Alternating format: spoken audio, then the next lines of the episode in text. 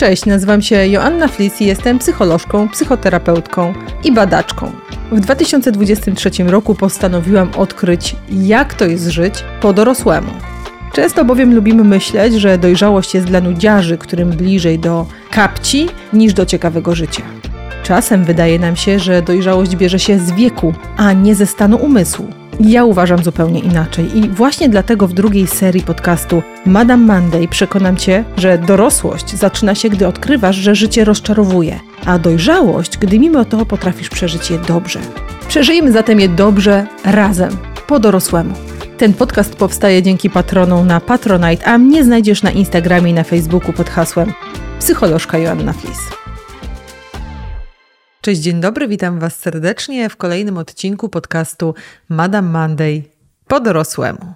Dziś specjalnie dla Was zabieram się za temat brania na klatę różnych rzeczy, bo jest to temat, którego jeszcze z Wami nie zdążyłam omówić, a który przewijał się w wielu odcinkach, bowiem do brania na klatę namawiałam Was przynajmniej 50 razy. To jest jedno z moich ulubionych określeń, a dziś Wam opowiem trochę o tym, co ono oznacza i dlaczego jest niezbędnym elementem dojrzałości. W majówkę byłam w Berlinie. Zrobiłam sobie taką małą wyprawę, i w ramach tej wyprawy postanowiłam po raz pierwszy pójść do Muzeum Topografii Terroru. To jest takie muzeum zlokalizowane prawie w całym centrum Berlina i to jest kompleks budynków, które w okresie nazistowskich Niemiec od 1933 do 1945 były siedzibami głównymi Gestapo i SS, głównych narzędzi represji, a w tej chwili powstało tam Muzeum Topografii Terroru. To, co jest bardzo ciekawe, to jest to wystawa, którą można zwiedzić zupełnie za darmo. Jest to wystawa, no, nie najprzyjemniejsza dla odbiorcy, ale niezwykle ważna. To jest wystawa i centrum, które dokumentuje terror i które dokumentuje i prezentuje wszystkie akty terroru i ludobójstwa na terenie całej Europy właśnie w latach 33-45. Dlaczego o tym Wam mówię? Dlatego, że to zjawisko robi na mnie potężne wrażenie. Po pierwsze, dlatego, że Niemcy, a wcale nie było to takie proste, symbolicznie wzięli odpowiedzialność za własną historię, historię własnych przodków wzięli odpowiedzialność w taki mega dojrzały sposób, to znaczy właśnie po dorosłemu. Po pierwsze, nie wyrzekli się tej historii, po drugie, uczynili z niej źródło jakiejś mądrości życiowej, a po trzecie, no właśnie to muzeum jest takim orędownikiem najważniejszych wartości, jakim jest człowieczeństwo, humanizm i wolność. To jest muzeum, które pokazuje, dokąd może prowadzić nacjonalizm i nienawiść do drugiego człowieka. Kiedy myślę sobie o tym, że w pięknym Berlinie, która jest taką kolebką tego, czym mogłaby być zjednoczona Europa, w samym centrum stoi Muzeum Terroru, które dokumentuje paskudną historię Niemiec, do którego Niemcy właśnie wszystkich zapraszają i które utrzymują i które służy temu, aby dzierżyć odpowiedzialność za wartości najbardziej naruszone przez ich przodków, to robi to na mnie potężne wrażenie, bo to jest właśnie wzięcie na klatę. To jest właśnie wzięcie, powzięcie odpowiedzialności, odrobienie lekcji bez jakiegoś zamykania oczu, uszu, udawania, że nie było jak było. To jest uczenie się na własnym doświadczeniu, myślę sobie tutaj o kraju, o państwie, i to jest dzierżenie odpowiedzialności za konsekwencje. W tym wypadku Berlin jako miejsce, to miejsce w ogóle, w którym wcześniej były budynki nazistowskiej represji, to miejsce no, symbolicznie też pokazuje, jak można załatać, nie wiem czy załatać, ale jak można przeformułować opowieść na temat tego, co w nas niechlubne albo co trudne, na rzecz tego, co jest wartością, co jest ważne i co jest cenne. I te moje rozważania w trakcie zwiedzania tego muzeum trochę doprowadziły mnie do tego, czym to branie klatę mogłoby być, bo ładnie się i łatwo o tym mówi, a wbrew pozorom, jak spojrzymy się naszemu własnemu życiu, to nagle się okazuje, że być może w wielu przypadkach nie byłoby nas stać na taki akt odwagi. Kiedy ja pisałam książkę o DDD i trochę wiecie, rozliczałam się z przeszłością i z historią naszych rodziców i tego, jak nas wychowywali. Absolutnie e, nie tak dramatyczną jak historia Niemiec II wojny światowej, ale historią, która narusza jakiś status quo rodziców i naszej własnej rodziny to wtedy trochę mierzyłam się z poczuciem, że może łatwiej by było to schować, albo że to nieładnie mówić źle o własnych rodzicach. Zresztą, kiedy czytacie tę książkę, przychodzicie do mnie, to mówicie, że to jest dla was uwalniające, z drugiej strony trochę czujecie się zobowiązani do pewnej takiej lojalności związanej z myśleniem o swoich bliskich w sposób jedynie dobry. I to jest coś, co Niemcy przełamali. To znaczy, pewnie nie wszyscy, ale zbiorowo i symbolicznie właśnie Muzeum Topografii Terroru to przełamuje i oni wzięli odpowiedzialność, nie schowali tego pod pierzynkę, nie udają, że tego nie było, nie usprawiedliwiają siebie, nie odżegnują się od tego nie budują sobie poczucia krzywdy, albo nie zanurzają się w ogromnym poczuciu wstydu albo poczuciu winy, z którego nic nie wynika, tylko działają, czyli to odpowiedzialne działanie na rzecz wszystkiego tego, co musimy wziąć na klatę, no, jest tą częścią dojrzałości, do której będę Was, słuchajcie, namawiała. I tutaj takim swobodnym krokiem przechodzę z Wami do tego, co my robimy z różnymi błędami, które w życiu popełniamy i jak te błędy nas zmieniają albo nas nie zmieniają. Chociaż powiedziałabym bardziej, bardzo uczciwie, że zawsze nas zmieniają. I zajmiemy się tutaj wszystkim tym, co w nas niechlubne, albo co w nas trudne, albo co robimy, albo co robiliśmy, a co być może nie jest czymś, z czego jesteśmy najbardziej dumni. I Możemy w życiu postępować z takimi aspektami siebie. Każdy z nas te aspekty siebie ma w ogóle. Wiecie, nie, nie szukajcie po innych ludziach, zajmijcie się sobą, prześledźcie swoją własną biografię, prześledźcie historię swoich decyzji, prześledźcie historię swoich reakcji, prześledźcie historię swoich motywów intencji. Na pewno przyłapiecie się na czymś, co no, pokazuje jakieś niedojrzałe części Was albo takie, które nie reprezentują dużej wartości, w myśl wartości, które miałyby odzwierciedlać nasze człowieczeństwo, szacunek do drugiego człowieka, istnienia, wrażliwość na innych, empatię. No, wiecie o czym mówię. I my robimy z tymi rzeczami różne rzeczy. To znaczy, chyba najłatwiej nam poradzić sobie ze wszystkim tym, co nam się w nas nie podoba, wtedy, kiedy wprost temu zaprzeczamy. I takich ludzi, którzy wprost zaprzeczają, że czynią czasem zło, albo takich ludzi, którzy wprost zaprzeczają, że nie chce im się czasem, nie wiem czy to nie chce się, to jest dobre słowo, ale nie chce im się czasem podążać za wartościami i wybierają sposoby postępowania, z których nie są dumni, takie osoby zaprzeczają swoim intencjom, zaprzeczają swoim motywom po prostu wprost.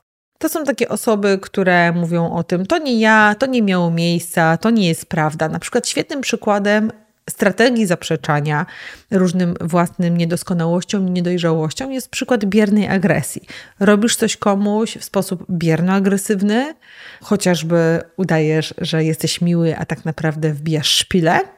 A kiedy tą osobę konfrontujesz, mówiąc na przykład, proszę, nie stosuj wobec mnie przemocy, to taka osoba udaje ofiarę i mówi, ale jakiej przemocy? Tutaj nie ma żadnej przemocy, to przecież wszystko było e, w przyjemnej, miłej atmosferze. Absolutnie każdy z nas zna taką historię, i kiedy ustanawiamy granice wyraźnie, to bardzo często osoby, które stosują strategie bierno-agresywne, szybciutko z miejsca agresora zamieniają się w miejsce ofiary i próbują nas przekonać, że to coś z nami jest nie tak, skoro my te granice ustanawiamy. Wtedy, kiedy przyjmujemy strategię zaprzeczania, nie mamy szansy wyciągnąć wniosków z własnego zachowania. Powiedziałabym nawet, że cierpimy na totalną ślepotę i głuchotę na własne cienie. Wiecie, Jung opowiadał nam trochę o cieniach i my zwykliśmy myśleć o nich, że są albo absolutnie złe, albo są źródłem wypartych treści, które mogłyby nas bardzo mocno rozwinąć. A ja Was trochę namówię do tego, żeby spojrzeć na cień też jak na nośnik pewnych decyzji, poglądów, właśnie intencji i zachowań, które niekoniecznie odzwierciedlają naszą wartość czyli są źródłem wartości, które my wyznajemy albo które chcemy urzeczywistnić, i każdy z nas taką strukturę cienia ma, bo jesteśmy istotami zawodzącymi i, i, raczej w swojej naturze nie tylko dobrymi. Jesteśmy różni, zachowujemy się różnie. W związku z tym strategia zaprzeczania to jest taka strategia, która no, przede wszystkim nie pozwala nam wyciągać wniosków i, i nie ma szansy, żebyśmy się czegokolwiek o sobie nauczyli, już nie mówiąc o tym, żebyśmy wprowadzili zmiany. To trochę tak, jakby właśnie e, współczesne Niemcy zaprzeczały historii III Rzeszy, tak? I kuriozalne dla wielu, ale mamy kilka takich przypadków też historycznych, w których zbiorowo różne narodowości zaprzeczają różnym faktom. Zresztą my również jako Polacy. I to dotyczy nie tylko całych społeczności, ale także rodzin. Na przykład całe rodziny zaprzeczają jakiejś historii albo przebiegowi jakiejś historii, usuwają jakieś części biografii, chowają je w szafie, nigdy się do nich nie odnoszą. I ta strategia zaprzeczania najczęściej prowadzi do takiego agresywnego bronienia dostępu do tych treści, które miałyby nas e, skonfrontować z rzeczywistością. I tu absolutnie nie ma szansy na korektę, dlatego jak wychodzimy z domów, w których strategia zaprzeczania jest najważniejszą strategią, no to bardzo trudno nam potem w dorosłym życiu internalizować jakieś treści związane z mm, naszymi własnymi wadami i dokonywać jakiejś transformacji. W dużym skrócie można powiedzieć, że się po prostu nie rozwijamy, a im dłużej żyjemy na tym świecie, im więcej mamy treści, które, którym zaprzeczamy, które próbujemy ukryć, tym więcej kompensacji w nas się pojawia. I ta kompensacja jest takim szczególnym y, momentem, bo nagle się okazuje, że próbujemy wszystkich przekonać, że jesteśmy na przykład chodzącą dobrocią, albo że jesteśmy tylko cierpliwi, wyrozumiali, no i wyjątkowi w swojej empatii wobec innych ludzi. Wiecie o czym mówię? Tych kompensacji będzie się pojawiało bardzo dużo w naszym życiu i strategię zaprzeczania możemy rozpoznać po ilości tych zachowań kompensacyjnych, po które sięgamy i warto sobie to, słuchajcie, prześledzić, bo to jest bardzo ciekawa podróż. Druga strategia, która się pojawia i która jest bardzo, bardzo częsta, tutaj już nie będą strategie kompensacyjne, tylko będzie strategia racjonalizowania. Czyli kiedy zaprzeczasz, kompensujesz, ale kiedy racjonalizujesz sytuację, wtedy nie musisz kompensować, dlatego że z zasady ustawiasz się w pozycji osoby, która została sprowokowana, skrytykowana, która została zmuszona przez innych do określonego zachowania, która została wybrana na to, żeby być orędownikiem pewnych zachowań w imieniu całej reszty ludzi. To jest e, bardzo często strategia, w której czujesz, że możesz kogoś potraktować źle, bo ta osoba sobie zasłużyła na to ponieważ oto ty tu będziesz wymierzać teraz sprawiedliwość, albo masz takie fantazje o tym, że nie dało rady inaczej się zachować. I strategia racjonalizowania jest strategią poszukiwania winnych i zewnętrznych takich przyczyn, energii, powodów, dla których my zachowujemy się nie w zgodzie z naszymi wartościami. Generalnie strategię racjonalizowania jest dosyć prosto rozpoznać, czy strategię racjonalizacji, to zależy jak sobie to odmienicie, ale dość łatwo możemy ją rozpoznać po tym, że wiecznie jesteśmy w swoim życiu albo ofiarami różnych przymusów i opresji zewnętrznych, albo ktoś nam ciągle coś robi i na nas jakoś szczególnie wpływa. Po prostu mamy wrażenie, że nie mamy kontroli w naszym własnym życiu i że nie mamy na nie wpływu. Im bardziej racjonalizujesz swoje własne zachowanie, tym bardziej zajmujesz się poszukiwaniem braku wpływu na różne własne reakcje. Nie chodzi mi o brak wpływu na świat, bo mamy ograniczony, ale chodzi o brak wpływu na nasze własne reakcje. Osoby, które używają tej strategii, lubią opowiadać sobie takie długie historie, mity na temat powodów, dla których nie dało się w życiu postąpić inaczej a kiedy się jej poprosi o to, żeby opowiedziały o tym, jak się zachowały, dlaczego dokonały takiego, a nie innego wyboru, one muszą zatoczyć takie ogromne interpretacyjne koło, wrócić do swojej biografii, bardzo często nawet do własnych rodziców, żeby opowiedzieć o tym, dlaczego właśnie ja w tej chwili na przykład unikam płacenia podatków. Rozumiecie? Muszą się wrócić do biedy, której doświadczyli jej dziadkowie, ich dziadkowie, która wpłynęła na to, że myślę tak, a nie inaczej o państwie. Oczywiście ja sobie żartuję w tej chwili, natomiast te duże koła osób, które racjonalizują, one są charakterystyczne. I warto się tak trochę temu przyglądać, że jak szukam jakichś wyjaśnień e, na zewnątrz, które mają w pewnym sensie usprawiedliwić albo zdjąć odpowiedzialność za moje zachowanie ze mnie i przerzucić na kogoś innego, no to jestem właśnie w tym miejscu. Wśród osób, które to robią, są też osoby, które bardzo mocno powołują się na prawo, pewne zasady, nagle przywołują podział obowiązków w pracy, jak coś idzie nie tak. Wiecie o co chodzi. Czyli to są różne sposoby na to, żeby wytłumaczyć sobie swoje własne, nie najlepsze postawy, wybory, jakieś tam życiowe postępowanie, które sprawia, że może trochę się wstydzimy, albo to coś o nas mówi na dłuższą metę. Generalnie takie niekoniecznie fajne postępowanie zawsze coś o nas mówi. Najczęściej mówi nam o nas, czego jeszcze nie umiemy, albo czego moglibyśmy się nauczyć, o ile dopuścimy, że te cząstki niedojrzałości w nas e, ciągle są i pracują, pukają nam po prostu przez okienko, słuchajcie, do domu i właściwie wciąż zostawiają w nas ślad. I im więcej tych śladów chcemy zobaczyć, i tym większą mamy szansę się nauczyć. Więc e, kiedy zaprzeczamy, to nie uczymy się niczego, kiedy racjonalizujemy, to uczymy się pozycji ofiary. Uczymy się pozycji osoby wiecznie krzywdzonej albo właśnie prowokowanej. Jak swego czasu pracowałam ze sprawcami przemocy, to sprawcy przemocy mają taką właśnie piękną strategię racjonalizacji. Oni opowiadają o tym, że no przecież moja żona wie, że w takiej sytuacji wzburzenia wystarczy się do mnie przytulić. Gdyby ona to zrobiła, to ja bym jej nigdy nie zrobił tego, tamtego, siamtego i owego. I pracując ze sprawcami przemocy, dużo nauczyłam się na temat strategii racjonalizowania rzeczywistości, bo nie spotkałam chyba ani jednego sprawcy przemocy, który tak potrafiłby sam siebie nazwać. Spotkałam same ofiary prowokacji.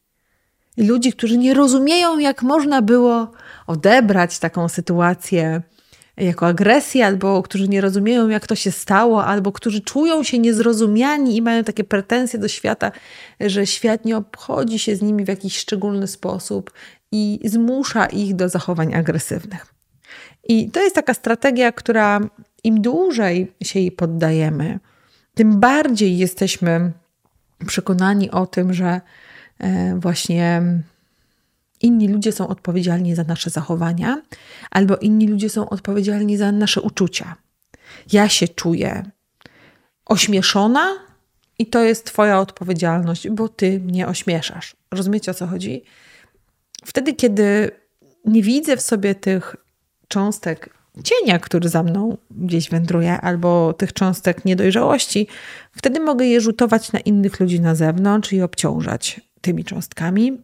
I taki przykład znowu historyczny, to by była taka sytuacja, w której na przykład właśnie Niemcy opowiadaliby wszystkim, że no właściwie oni się zachowywali tak, a nie inaczej. Znaczy nie oni, tylko ich oczywiście przodkowie zachowywali się nie tak, a nie inaczej, dlatego że zostali sprowokowani, zaczarowani, przekupieni, przymuszeni, zmanipulowani, wprowadzeni w błąd. No generalnie cokolwiek nie robię, to jest Twoja wina. Też warto się przyjrzeć takim opowieściom, bo czasem ludzie coś robią i my jakoś na to odpowiadamy, i oni potem mają pretensje i na przykład mówią, że czuli, czują się niezrozumiali albo źle zostali zrozumieni i to jest nasza wina. Tak? Nie, rzadko kto mówi, wiesz, ja chyba się źle wyraziłem, moją intencją było coś innego.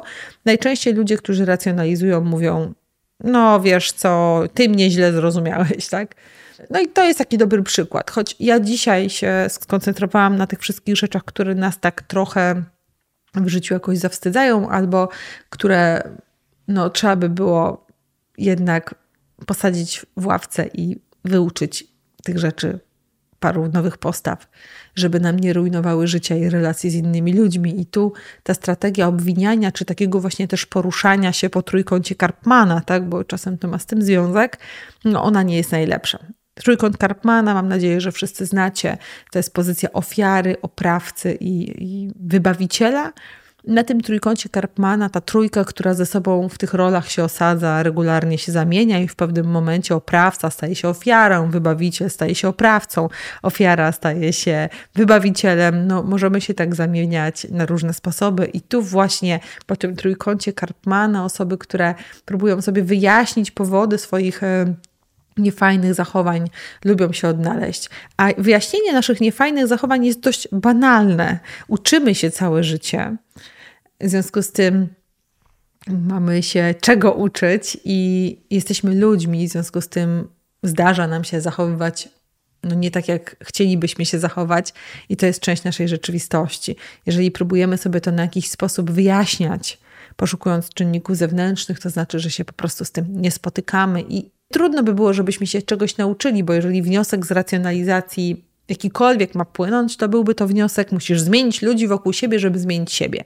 No i to jest charakterystyczne na przykład dla osób współzależnionych, tak, które pozwalają sobie na różne zachowania, bo czują się sprowokowane przez pijących partnerów, partnerki, zmuszone, pozostawione bez wyjścia, uprawnione do takich zachowań. I to jest piękny przykład na to, jak racjonalizując, nie spotykając się z własnymi niedojrzałościami, możemy się zapętlić w takie miejsce, w którym musimy zmienić wszystkich. Jak zmienimy naszych partnerów, partnerki, nasze dzieci, miejsce pracy, opuścimy wszystkich toksycznych ludzi i będziemy się tylko otaczać ludźmi, którzy nas koją, to odzyskamy kontrolę nad naszym życiem i to jest, słuchajcie, pudło. To jest pudło. I jest jeszcze trzecia strategia, o której chciałam Wam powiedzieć, która jest no, taką częstą strategią, która się pojawia wśród różnych ludzi, to jest strategia odcinania się. To są osoby, które zdają sobie sprawę z tego, że zachowały się jakoś niezgodnie z własnym systemem wartości, ale nie chcą o tym rozmawiać, nie chcą tego pamiętać. Często mówią o tym, że już nie chcą mieć z tym nic wspólnego, odcinają się od tej części swojej biografii, czyli mówią, to już nie ma ze mną nic wspólnego, jestem innym człowiekiem i fundują sobie taki brak ciągłości ja, czyli w pewnym sensie skazują na banicję różne cząstki siebie, nie pozwalając im dojrzeć. I zamiast zaprosić tą część siebie do tej pierwszej ławki i stać się na moment nauczycielem w swoim własnym życiu, żeby czegoś tą część siebie nauczyć, to wyrzucamy tą część poza nawias i w ogóle z nią nie korespondujemy, i wtedy ona narasta. Narasta i to są często osoby, które tracą po prostu od czasu do czasu kontrolę nad tym swoim podwórkiem i znowu zachowują się nie tak, jak chciały, po czym obiecują sobie, że będzie inaczej, więc łapią tą część siebie i wyrzucają za płot. I oczywiście ta część nas tam sobie wędruje, wędruje, wędruje, dopóki nam się nie uzbiera i wtedy wraca. Wtedy wraca, robi nam kipisz w życiu i znowu mówimy: Ojej, to przecież nie ja, ja się tak nie zachowuję, to alkohol mi to zrobił, tak? To stres ze mnie to robi, to te okoliczności, w ogóle nie znam takiej siebie nie lubię tej części, ona pochodzi od mojego ojca, mojej matki, mojej ciotki, mojej babki, nie wiem od kogokolwiek. To nie jestem ja. W każdym razie to nie jestem ja. Ta osoba furii na przykład to nie jestem ja. I wtedy znowu łapiemy tą postać i wyrzucamy ją za granice naszej wioski. Może nam się wydawać, że odcięliśmy się od niej na dobre, ale ona wraca. Wraca i robi nam rozgardiaż ponowny. I znowu to jest taka osoba, która, ponieważ odrzuca tę część siebie, to nie ma szansy jej wychować i to byłaby taka część na przykład historii, która jest taką plamą historyczną, o której nikt nie mówi, ale nie jest jak w strategii zaprzeczania upchnięta w szafie i udajemy, że to nie my, ale jest trochę taką częścią, o której udajemy, że nie pamiętamy, albo w ogóle mówimy, no tamci Niemcy nie byli z nami spokrewnieni. To to mnie nie dotyczy. Tak się trochę na tych Niemców uparłam, ale jeżeli będziecie kiedyś w Berlinie, idźcie do Muzeum Topografii Terroru. To jest miejsce, które robi ogromne wrażenie. Zachęcam Was też do zobaczenia oczywiście Muzeum Pergamonu, szczególnie panoramy. Wspaniałe miejsce, już takie bardziej optymistyczne i no, piękny spektakl. Natomiast wracając do tego, co robimy, żeby nie wziąć różnych naszych niedojrzałości na klatę, to, to są takie trzy najbardziej powszechne strategie, które warto omijać i które zbierają w naszym życiu plon. Jeszcze raz zaprzeczanie, wtedy nie wyciągamy wniosków, racjonalizujemy, wtedy jesteśmy ciągle w pozycji ofiary, no i odcinamy się, wtedy to do nas wraca na różne sposoby, tak? E, robiąc nam kipisz w życiu. A co by było wzięciem na klatę? Wzięcie na klatę to byłaby trochę inna strategia, do której potrzebujemy ogromnej odwagi, bo nie da się rozpoznać swojego błędu i jakiejś swojej niedojrzałości jej wychować bez ogromnej odwagi przyjrzenia się temu. I popatrzcie, muszę znaleźć to miejsce, czyli nie mogę mu zaprzeczyć, muszę powiedzieć, to ja zrobiłam. Ja zrobiłam to. Muszę wziąć za to odpowiedzialność, czyli mówię, niezależnie od sytuacji, w jakiej byłam, ja to zrobiłam. Nawet jak ona była bardzo niesprzyjająca, to moje decyzje. Nikt nie jest winny temu, że zachowałam się tak, a nie inaczej. I trzecia strategia, kolejna, to coś o mnie mówi.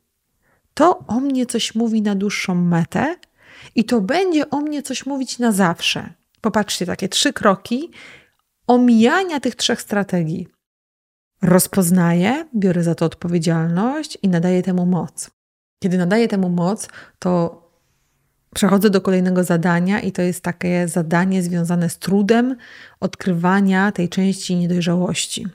Czyli mam odwagę, żeby to zobaczyć, mam odwagę, żeby to przyjąć, mam odwagę wziąć za to odpowiedzialność, teraz to badam, sprawdzam, jakie są motywy, dlaczego tak, a nie inaczej postępuję, skąd się to bierze, jak często się to bierze, co to robi innym ludziom, co to robi mi z moim własnym życiem, a potem muszę sprawdzić, z braku jakich wartości to wynika, bo najczęściej tam nie ma jakiejś wartości. Najczęściej czegoś nie uczyniam ważnym. I muszę przed sobą się przyznać, wziąć to na klatę, że nie dźwigam ważności tej wartości, na przykład wolności drugiego człowieka, albo szacunku, albo wartości empatii, wartości współczucia. No nie dźwigam tego, nie uczyniam tego wartością. I wtedy, jak to rozpoznam, to mogę uczyć się wprowadzać tą wartość w życie i w pewnym sensie stać się jej orędownikiem. I w taki sposób ta lekcja może mnie zmienić. Ta moja niedojrzałość może mnie zmienić, tak jak Niemcy, Berlin stał się orędownikiem wolności, poszanowania dla różnorodności i pilnowania tego, żeby nikt nigdy nie zapomniał, jaka jest topografia i historia terroru i ludobójstwa tu w Europie. I w ten sposób stajemy się orędownikiem pewnej wartości i czujemy odpowiedzialność za manifestowanie jej w naszym życiu. I dla mnie to jest wzięcie na klatę, wzięcie odpowiedzialności za siebie i za swoje części niedojrzałości, czego Wam życzę i życzę Wam udanego tygodnia. Trzymajcie się. Do usłyszenia.